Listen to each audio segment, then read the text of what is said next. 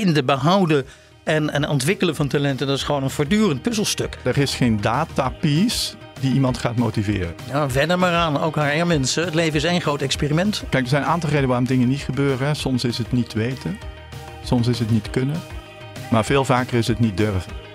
Hallo HR-professional. Hoe ziet jouw werk er over 10 jaar uit? Waar focus je op? En welke werkzaamheden zijn helemaal verdwenen? Dat is waar je in deze podcastserie antwoord op krijgt. Welkom bij de tweede aflevering van How to HR. De podcastserie van Personio die draait om de toekomst van HR. Door de alles-in-één HR-software van Personio krijg je namelijk de tijd om over die toekomst na te denken. In vijf afleveringen neemt Remco Mosterdman je mee in de snel veranderende wereld van HR en behandelt hij de belangrijkste thema's die daarbij komen kijken. We gaan op zoek naar een toekomstbestendig HR. Gelukkig hoef ik dat niet alleen te doen, maar ik heb de hulp van gasten. Uh, twee per podcast en vandaag zijn bij mij Hans van der Loo, spreker, onderzoeker en schrijver van managementbestsellers zoals Teaming en Werkvuur. En Kees Gabriels, ook van harte welkom, oprichter van Talent On en schrijver van De Talent Manager, de talentafdeling en zijn masterpiece Het Handboek voor Talent. Welkom. Voordat wij eh, beginnen, even een algemene opener. Hoe kijken jullie aan tegen HR en vooral toekomstbestendige HR? Kijken eerst even naar Kees. Toekomstbestendig HR gaat voor mij over HR die uh, gepersonaliseerd wordt. Dus waarin je echt inspeelt op de individuele behoeften van een medewerker, een team, een afdeling, een divisie, een organisatie. En hoe kijk ik aan tegen HR van nu? Ik vind het te instrumenteel. Daar mag wel iets meer uh, uh, echt human in, in de zin van uh, wat hebben mensen nodig? Niet om ze te containen, maar om ze te laten bloeien. Ja, instrumenteel en ook nog te traditioneel. Ik denk dat wat dat betreft HR voorop zou moeten lopen in de hele golf waarin organisaties zich op het moment bevinden.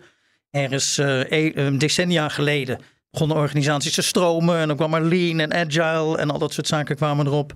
Uh, inmiddels zitten we al in een situatie dat begint te golven en dat we van de ene crisis in de andere tuimelen. Nou, en in al dat gevoel zou HR een fantastisch faciliterende, maar ook blokkade opheffende rol kunnen spelen. En dat laatste is met name erg belangrijk. Haal de blokkades weg. Maak van bergen uh, glijbanen. En zorg ervoor dat allerlei regels en onnodige procedures. En ik weet het allemaal niet wat er, waar mensen helemaal horensdol van worden. Dat die zoveel mogelijk uh, beperkt worden. En dat je ze verandert eigenlijk in minimale stimulerende structuren. Uh, Bas Kodde en Roos Wouters hebben gesproken over leiderschap. En zij hebben een stelling voor jullie achtergelaten. Hun stelling is: er is talent genoeg.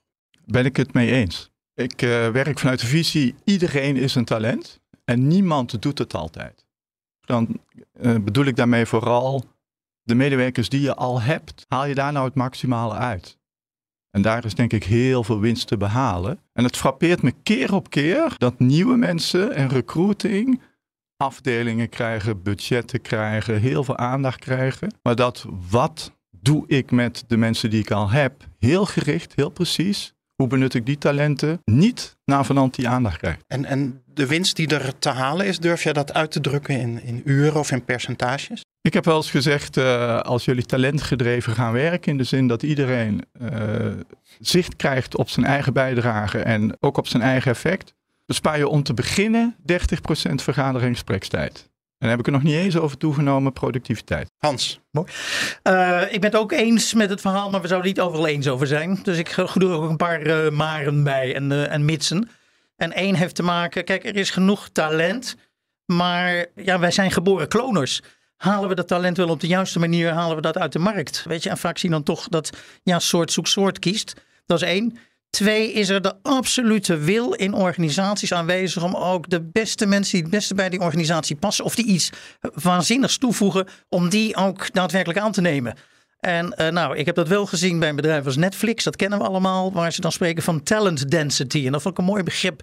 Weet je, wij moeten de beste mensen hebben voor de jobs die wij hier uh, intern hebben. En daar zijn ze ook gigantisch naar op zoek. Dus voortdurend scouten. Weet je, wat bij in de voetbalwereld heel normaal is. Weet je, dan de, de hele wereld wordt afgereisd op zoek naar die talenten. Dus want de schaal waarop talenten te vinden zijn, die is gigantisch.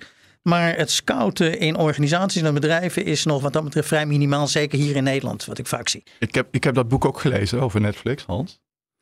En mij irriteerde het een beetje, eerlijk gezegd. In zoverre dat ik hun visie heel erg begrijp, maar ik dacht, zoals jullie het doen met die intensiteit, die densiteit, hè, zoals jij dat formuleert, dat is voor de happy few. Dat is voor de high achievers, dat is voor de companies die gaan voor groei, groei, groei, groei. Maar het personeelstekort zit ook in de zorg, zit ook in het onderwijs, zit ook uh, bij de politie op de werkvloer. Uh, daar hebben we denk ik een ietsje uh, toegankelijkere benadering voor nodig dan wat ik in dat Netflix-boek las. En kun je daar iets over prijsgeven? Toegankelijk op welke manier?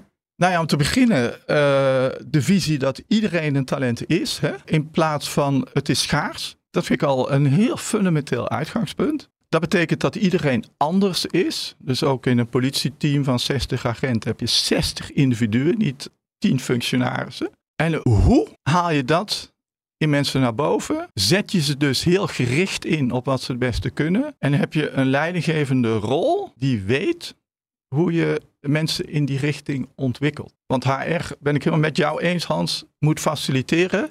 Maar de leiding moet het job doen om talenten te laten ontwikkelen en te laten groeien en bij elkaar te brengen en te laten samenwerken.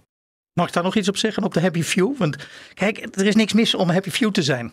Als je er maar van kan leren. En dat zie ik heel vaak gebeuren, zeker hier in Nederland. En er is een soort blokkade, daar leren we niet van. Van ja, Netflix is heel apart en Google is heel apart. En dan volgen er nog 10.000 andere bedrijven die heel apart zijn. Ja, dat zijn ook vaak bedrijven die zijn klein begonnen. En die hadden een paar goede ideeën. En van die goede ideeën kun je leren. Dus ik zeg je niet, je moet het naapen. Of je moet het helemaal zo maken. Want ja, dat hele vinden, behouden en, en ontwikkelen van talenten, dat is gewoon een voortdurend puzzelstuk. Maar leer van de voorbeelden die er zijn. En joh, als, je ze niet, uh, als ze niet bij jou passen, dan passen ze niet bij jou. Dus wat dat betreft niet te snel uh, op de, de grote hoop gooien. Nee, en die learning is voor mij evident. Want in dat boek ademt van A tot Z. Het draait hier om de mensen. Het draait hier om de mensen. Het draait hier om de mensen. En dat is eigenlijk overal zo natuurlijk. Maar zie je niet overal. Het begrip is al een paar keer gevallen. En uh, we gaan het de rest van deze podcast vooral hebben over talent talentontwikkeling, leiding geven aan talent, groei van mensen. Maar laten we beginnen met wat uh, volgens jullie talent dan eigenlijk is. Nou ja, is eigenlijk de grote expert op dat gebied, maar ik zal toch een poging wagen. Nou, talent heeft te maken met gave vaardigheden die je vrij makkelijk afgaan. Waar je je ook graag verder in wilt ontwikkelen. Dus er zit ook altijd een leerelement zit daarin. Dus je wilt, je wilt er beter in worden, je, verder, je wilt er verder in gaan. En je wordt er enthousiast van, je hebt er ook nog plezier in. Waarbij eigenlijk het belangrijkste is dat je met die talenten op de een of andere manier ook iets presteert. Dat je daadwerkelijk iets neerzet. Ja, want anders blijft het wel een talent, maar ja, dan, dan, dan wordt het niet echt zichtbaar. Dus er zit ook wel een element van daadkracht van dingen doen in, uh, volgens, uh, volgens mij. Kees? Ik vind het een heel goede vraag. Want het, talent is erg hot. Hè? Dus er zijn net zoveel definities van talent inmiddels uh, als dat de bedrijven zijn of uh, mensen die ermee bezig zijn. Wat ik ervan wil zeggen is dat ik talent vooral zie als iemands unieke hoe. Wat een andere definitie is dan iemands wat. Een wat is ik ben een talentvolle voetballer. En op dat niveau is talent degene die de beste is. Dus daar, daar kom je in een vergelijking terecht. Als je kijkt naar talent als jouw unieke hoe, is er geen vergelijking. En is dus iedereen een talent, maar het komt natuurlijk niet altijd uit de verf. Het is een potentieel. Je hebt het, maar de proof of the pudding is wel in de eating. Benut je het ook? En voor mij is het criterium voor benutten, heeft een ander er wat aan. Kun je een paar veel voorkomende blokkers noemen van dat potentieel? Want je zegt het komt er niet altijd per se uit. Er zijn twee soorten blokkers. Eén is de omgeving. Dus dan hebben we het over systeemdruk, te dominant leiderschap, te kleine budgetten, afijn. Al die dingen waar mensen altijd over klagen. Maar ik vind dat de minst belangrijk. Want het is altijd up to me hoe ik met de omgeving omga. En ik heb erin de keuze of ik dus mijn talent daartegenover stel, aanzet. Of dat ik blijf hangen in andere karaktertrekken die we allemaal ook hebben. Ik noem dat draken, die niet effectief zijn. Oh, ik heb een dominante baas. Ik, ik, ik, ik hou mijn mond ook maar, weet je wel. Dan zit je zelf ook in een draak. En dat vind ik uh, ook heel bemoedigend voor mensen. De omgeving is niets meer dan dat. En hoe jij daarmee dealt, ja, daarin zit de ontwikkeling van mensen. En daarin zit voor mij dus ook talentontwikkeling. Hans, jij zei uh, net heel bescheiden, Kees is de echte expert als het gaat om talent. Heb ik, heb ik het juist dat ik zeg dat jij de echte expert bent in aan de kant energie in organisatie, aan de andere kant samenwerken? Ik heb hier een prachtig mooi nieuw boek van jou liggen. Klopt dat? Ja, de, de context van, uh, van samenwerken met name. Dus alles wat er op dit moment aan de gang is. En uh, dat is iets wat ik ook eigenlijk nooit zo heb gerealiseerd. Maar dat we 30 jaar geleden nog maar in 30% van de gevallen in teams samenwerkten. Dus er werd wel gewerkt, zo, maar dat was in afdelingen en een grote gehele. En pas vanaf de jaren 90 zie je inderdaad de, de teams zie je echt gaan groeien tot 94% vandaag de dag. Dus wat dat betreft, die context die is wel totaal anders geworden. Nou, zo kwam ik ook bij Ja. jou. Kun jij dan een paar dingen noemen hoe optimale teamsamenwerking bij kan dragen aan, aan, aan de ontwikkeling van het potentieel van talent? Nou ja, dat de kansen om. Kijk, vroeger zat je vast in een team met alle nadelen, vo- voor- en nadelen die eraan verbonden waren. Kijk, als je het goed had in dat team, dan kon je jezelf fantastisch ontwikkelen. Als dat niet echt eh, klikte, eh, dus met de andere teamleden of met de teamleider, ja, dan eh, was je wat dat betreft, zat je in een vervel- vervelende situatie. Tegenwoordig zie je een gigantische dynamiek zie je plaatsvinden in, eh, in teams. 40 tot 50 procent van de mensen die werkt voortdurend in wisselende teams. Zowel wisselend van, eh, van vorm als van samenstelling. Eh, en het is ook nog eens zo dat mensen in heel veel verschillende teams tegelijkertijd werken. Een gemiddelde professional in acht teams tegelijkertijd. Dus dat is nogal wat.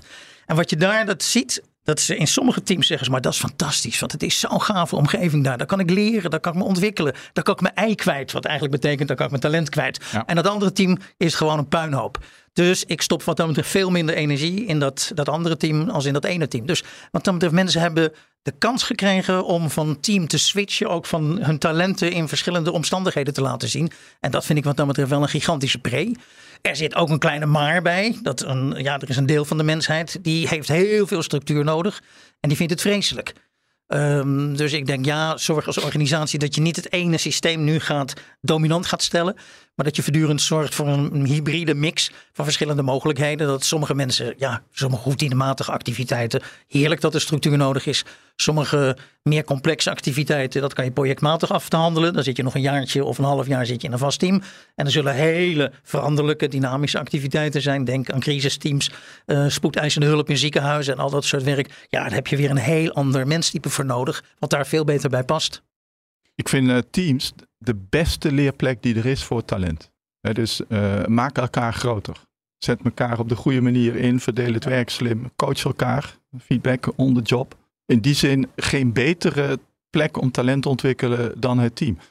Wat een veel minder vanzelfsprekend statement is dan het lijkt. Hè? Dat betekent dat het niet draait om de HR-gesprekken.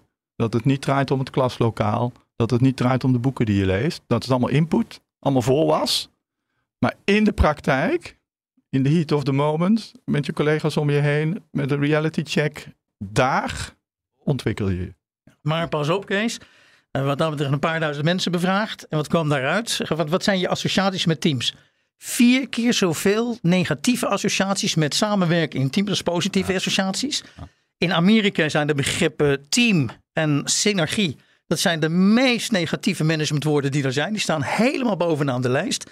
Plus nog eens een keer dat ongeveer 80% van de teams niet, hun, niet naar hun potentieel eh, presteert. Ik vind het schokkend. Dus daar moet gigantisch veel gebeuren. Vandaar ook de verdurende aandacht. Vandaar dat, dat teaming ook zo belangrijk is.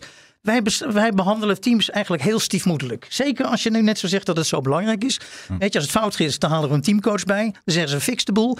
En zodra het weer een beetje mensen on speaking terms zijn, dan ga je weer weg. Ja. Ik denk, als je zo'n voetbalploeg of elke sportploeg zou leiden als coach. Nou, dan, eh, dan zeg je, nou, ze laten ze maar lekker ballen. En als het fout gaat, dan kom ik een keer kijken. Ja, jongens, dat is niet te doen meer. Nou, ik heb, ik heb lang mijn vizier ook gehad op topmanagement. Hè? En eh, daar draait het allemaal om. Inmiddels denk ik, het draait om de teamleads. Het draait om de first level leadership, zeg maar. Daarvan zijn er een miljoen in Nederland, geloof ik. En die kunnen het niet allemaal. En die verdienen echt alle hulp. Over HR gesproken, vergeet nou even de, de high achiever, vergeet management development. En doe eens een teamlead programma. Waarin die mensen werkelijk leren hoe je teams kan laten vliegen. Ik heb wel eens gezegd, er moet een HR-cyclus voor teams komen.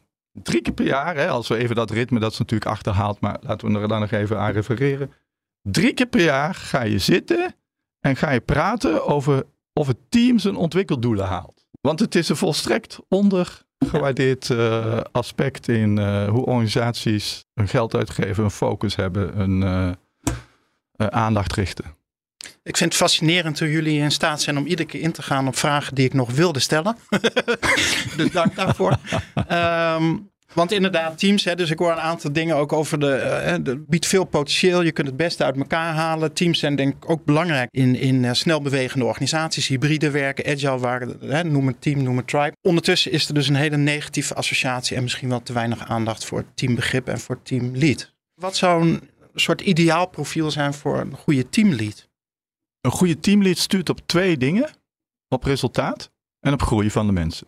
En het vreemde is, je hebt teamleads die sturen alleen maar op resultaat, hebben geen oog voor groei van mensen. Je hebt heel veel teamleads die zijn alleen maar bezig met mensen. Maar dat is een beetje pappen en nat houden en mantel der liefde en zo. En dan heb je heel veel teamleads die zijn bezig met een soort grijs middengebied. Met de planning, met de verlofbriefjes, met uh, de ziekmeldingen. Met, uh, ik, heb voor, ik heb een opdracht gehad waar de teamleads een lange, lange lijst hadden gemaakt. wat ze allemaal moesten van de organisatie. En waarom ze zeiden, ja, resultaten heb ik geen tijd voor. Mensen laten groeien, geen tijd voor. Ontdoe ze daarvan. Die resultaatsturing komt meestal nog wel goed. En help ze hoe je mensen helpt groeien. Heel voortbedurend uh, drie dingen, denk ik. Uh, nog één dingje zit ervoor, de dingen die jij noemde, Kees. Dat is uh, zorg dat de randvoorwaarden van een effectief team dat daaraan voldaan is. De meeste teams zijn veel te groot. Het overkomt mij regelmatig dat er 40, 50 man binnenkomen en dan zeggen ze doodleuk, dit is het team. dat kan niet. Dat kan niet. Een team dat heeft 7 plus 2 en min 2. Dus tussen de 5 en de 9. Het mogen er ook teams zijn, mogen er 11 zijn, van mij per 12. Maar dan houdt het echt op. Maar niet 30, niet 40, niet 60. Weet je, dus dat is één klein dingetje. Het feit dat inderdaad niet alleen op resultaat wordt gestuurd, maar dat er ook een eenduidige doelstelling is. Dat is ook wel eens een dingetje. Weet je, wat is nou de opgave van dat team? Tien teamleden, tien verschillende antwoorden. En het derde, um, ja, die team, derde voorwaarde, teamleden die ja, moeten elkaar ook nodig hebben. Dus er moet een zekere afhankelijkheid zijn. Als je niks met elkaar te doen hebt, blijf dan lekker thuis. En dat heeft corona eigenlijk aangewezen. Dat een hele hoop van dat soort teamwerk, in ieder geval voor het werksec, die nodig hadden, misschien voor andere zaken, voor ontmoeten en voor het sociale contact. Um, dus dat zijn die voorwaarden. Dan verder het sturen inderdaad op groei. Hoe doe je dat? Door, ik denk altijd maar door ABC te zorgen, ABC-cultuur in je team. Autonomie, binding, competentie. Dus zorgen dat mensen zelfstandig beslissingen kunnen nemen. Zorg dat ze verbonden zijn en zorg dat ze competent zijn. En als laatste element uh, komt erbij nog zorg voor een veilige cultuur. Ik ga toch even een klein beetje technisch doen en ook richting de rol van HR. Stel dat je dan toch wat grotere teams hebt, of misschien zelfs wel kleine teams, kan, kan data en HR-data daarin ondersteunen? In het zien van mensen, van talenten? Ja, maar. Dus ik, ik heb zelf een achtergrond in de direct marketingwereld. Vroeger was dat de postcodewereld, dus ik ben opgegroeid met databases. En die zijn bijzonder informatief en inmiddels met die zelflerende systemen en algoritmes en zo, wordt dat wat data kan opleveren alsmaar beter en beter en beter. Maar er is geen data piece die iemand gaat motiveren. dus ik vind hoe sophisticated de data ook worden, en ik pleit daar heel erg voor, het altijd een tool in handen van de human. Wat ga ik ermee doen en wat ga ik ermee doen in de richting van die medewerkers bijvoorbeeld, waar ik dan data over verzamel. En laat dat alsjeblieft niet te anoniem allemaal zijn. Kun je daar wat meer over zeggen? Nou, breng het te sprake wat die data uh, je voor info geven. Ga erover in gesprek. Maak er uh, op die basis relatie. Dat is een goede basis om relatie te maken. Een goede basis voor mensen om hun eigen ontwikkeling ter hand te nemen. Maar dat moet wel uh, ook gebeuren, vind ik. High tech, high touch. Hans? 100% mee eens. Ja. Echt 100% mee eens. Want, nou kijk, data zijn heel goed om patronen te, te, te ontdekken en zijn een input, een basis voor gesprekken. En laat mensen vooral zelf die data interpreteren. Uh, laat ze er veel voorbeelden bij zoeken. Laat ze aangeven uh, hoe ze dat beleven, enzovoort, enzovoort. Dat is, uh, dat is de high-tech. Uh, tweede element van de high touch, ja, dat heeft te maken met dingen die al gezegd zijn. Met authenticiteit bijvoorbeeld ook. Weet je, hoe, hoe echt ben je? Hoe menselijk ben je? Heb je echt belangstelling in anderen? Uh, de aandacht in behoeften. Hoe, hoe, hoe, hoe, goed is die ontwikkeld? Weet je, hoe goed kan je inzoomen daarop? Hoe past die ook weer die aandacht bij de purpose? Want dat is wel interessant. Uh, ik, in, in het kader van de boek zijn we bij Red Bull Racing langs geweest. Hm. Ik heb niks met racen en Formule 1 en zoiets dergelijks. Maar ik vond het wel gaaf zoals die mensen daar werkten. Twee dingen waren interessant. Het is totaal data organisatie. Daar houden ongeveer 80, 90 mensen zich bezig met het doorploegen voortdurend van bergen data. Ook op het gebied van mensen. Vooral op het gebied van de auto's. Maar ook op het gebied van, uh, van mensen.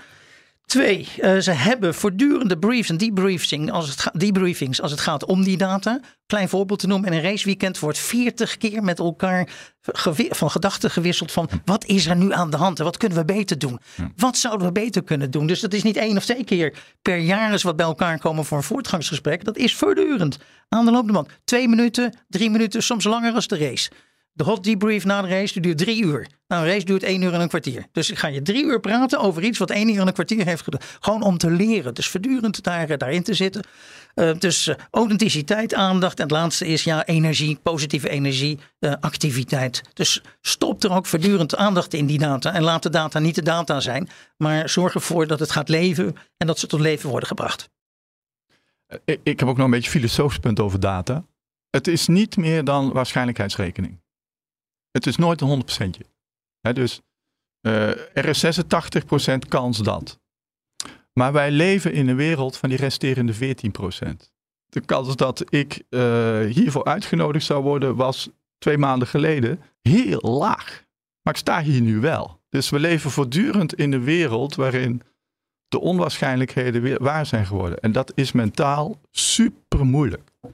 En wat doe je met voorspellingen die niet uitkomen? Ze komen bijna nooit uit, hè? Hoe komt dat?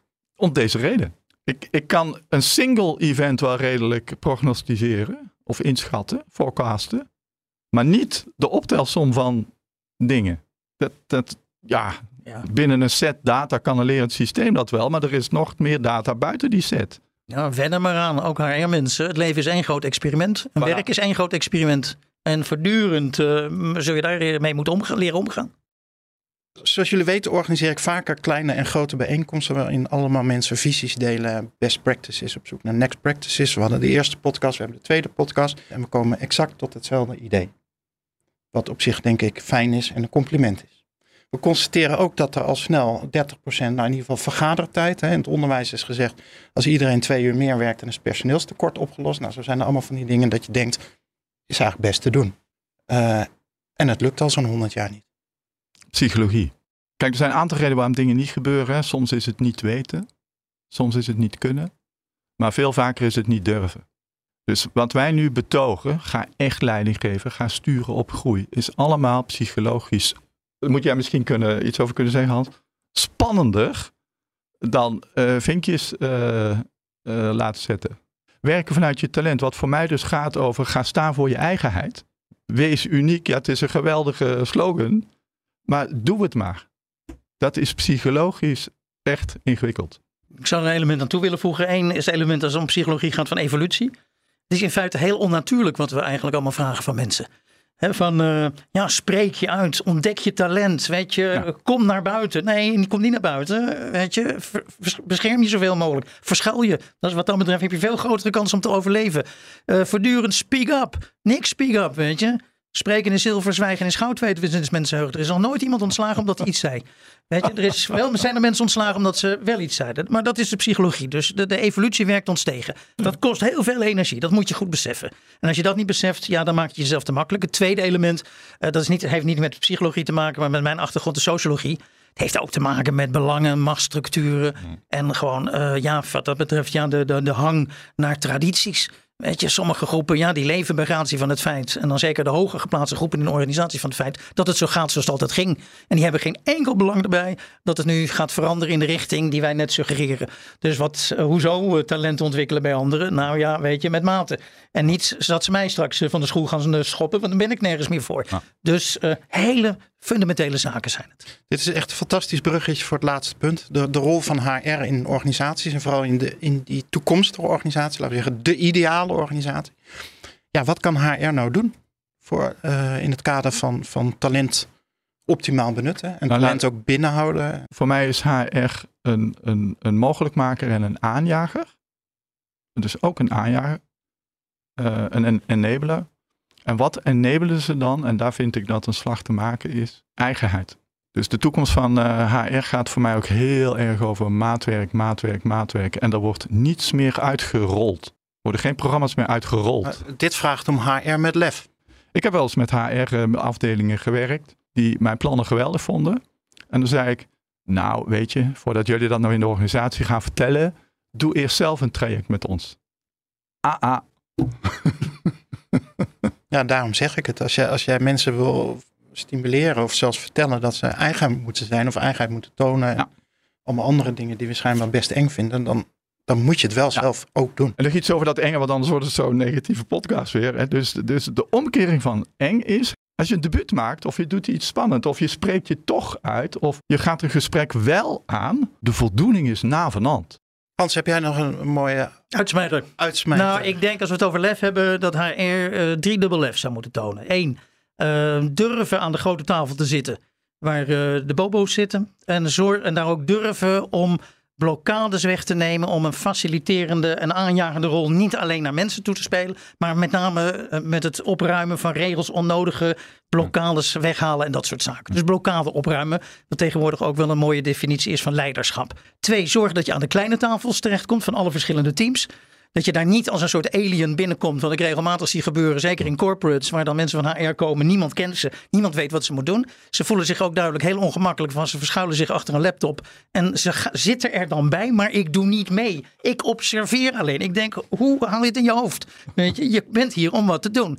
Dus dat is eh, de, de ding. En drie, ook het lef om zichzelf om zelf kritisch in de, de spiegel te kijken. Want ik doe nu al een jaar of twaalf doe ik energieonderzoek. En iedere keer komt eigenlijk HR als beroepsgroep er als de minst energieke en de meest negatieve komt eruit.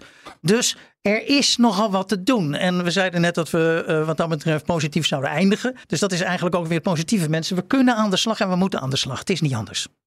Kees Gabriels, expert talentenontwikkeling. Hans van der Loo, expert samenwerken in teams. Hartelijk dank voor jullie bijdrage. We gaan, eh, we gaan afronden. Het was weer een enerverend gesprek. Leerzaam ook. Eh, het was aflevering 2 van de podcast How to HR van Personio. Waarin we in vijf afleveringen op zoek gaan naar eh, de toekomst van HR. In de komende aflevering focussen we helemaal op het belang van diversiteit en inclusiviteit. En zoals te doen gebruikelijk vragen we jullie om een stelling voor de volgende twee gasten. Die heb ik. Die stelling luidt: zolang je in groepen denkt, ben je per definitie niet divers en inclusief bezig. Ja, het is wederom jammer dat we niet nu al op die stelling in mogen gaan. Maar hij is weer prachtig. Dit was aflevering 2 van How to HR. Waarin je hoorde dat er voor toekomstbestendig talentmanagement lef nodig is. Een HR-afdeling met lef zit aan de grote en kleine tafels en faciliteert medewerkers in hun talentontwikkeling en heft blokkades op. How to HR is een podcastserie van Personio die draait om de toekomst van HR. Ben je benieuwd wat HR-software voor jouw bedrijf kan betekenen? De alles-in-één software van Personio ontzorgt en geeft inzicht in jouw meest belangrijke HR-data. Kijk voor meer informatie op personio.nl.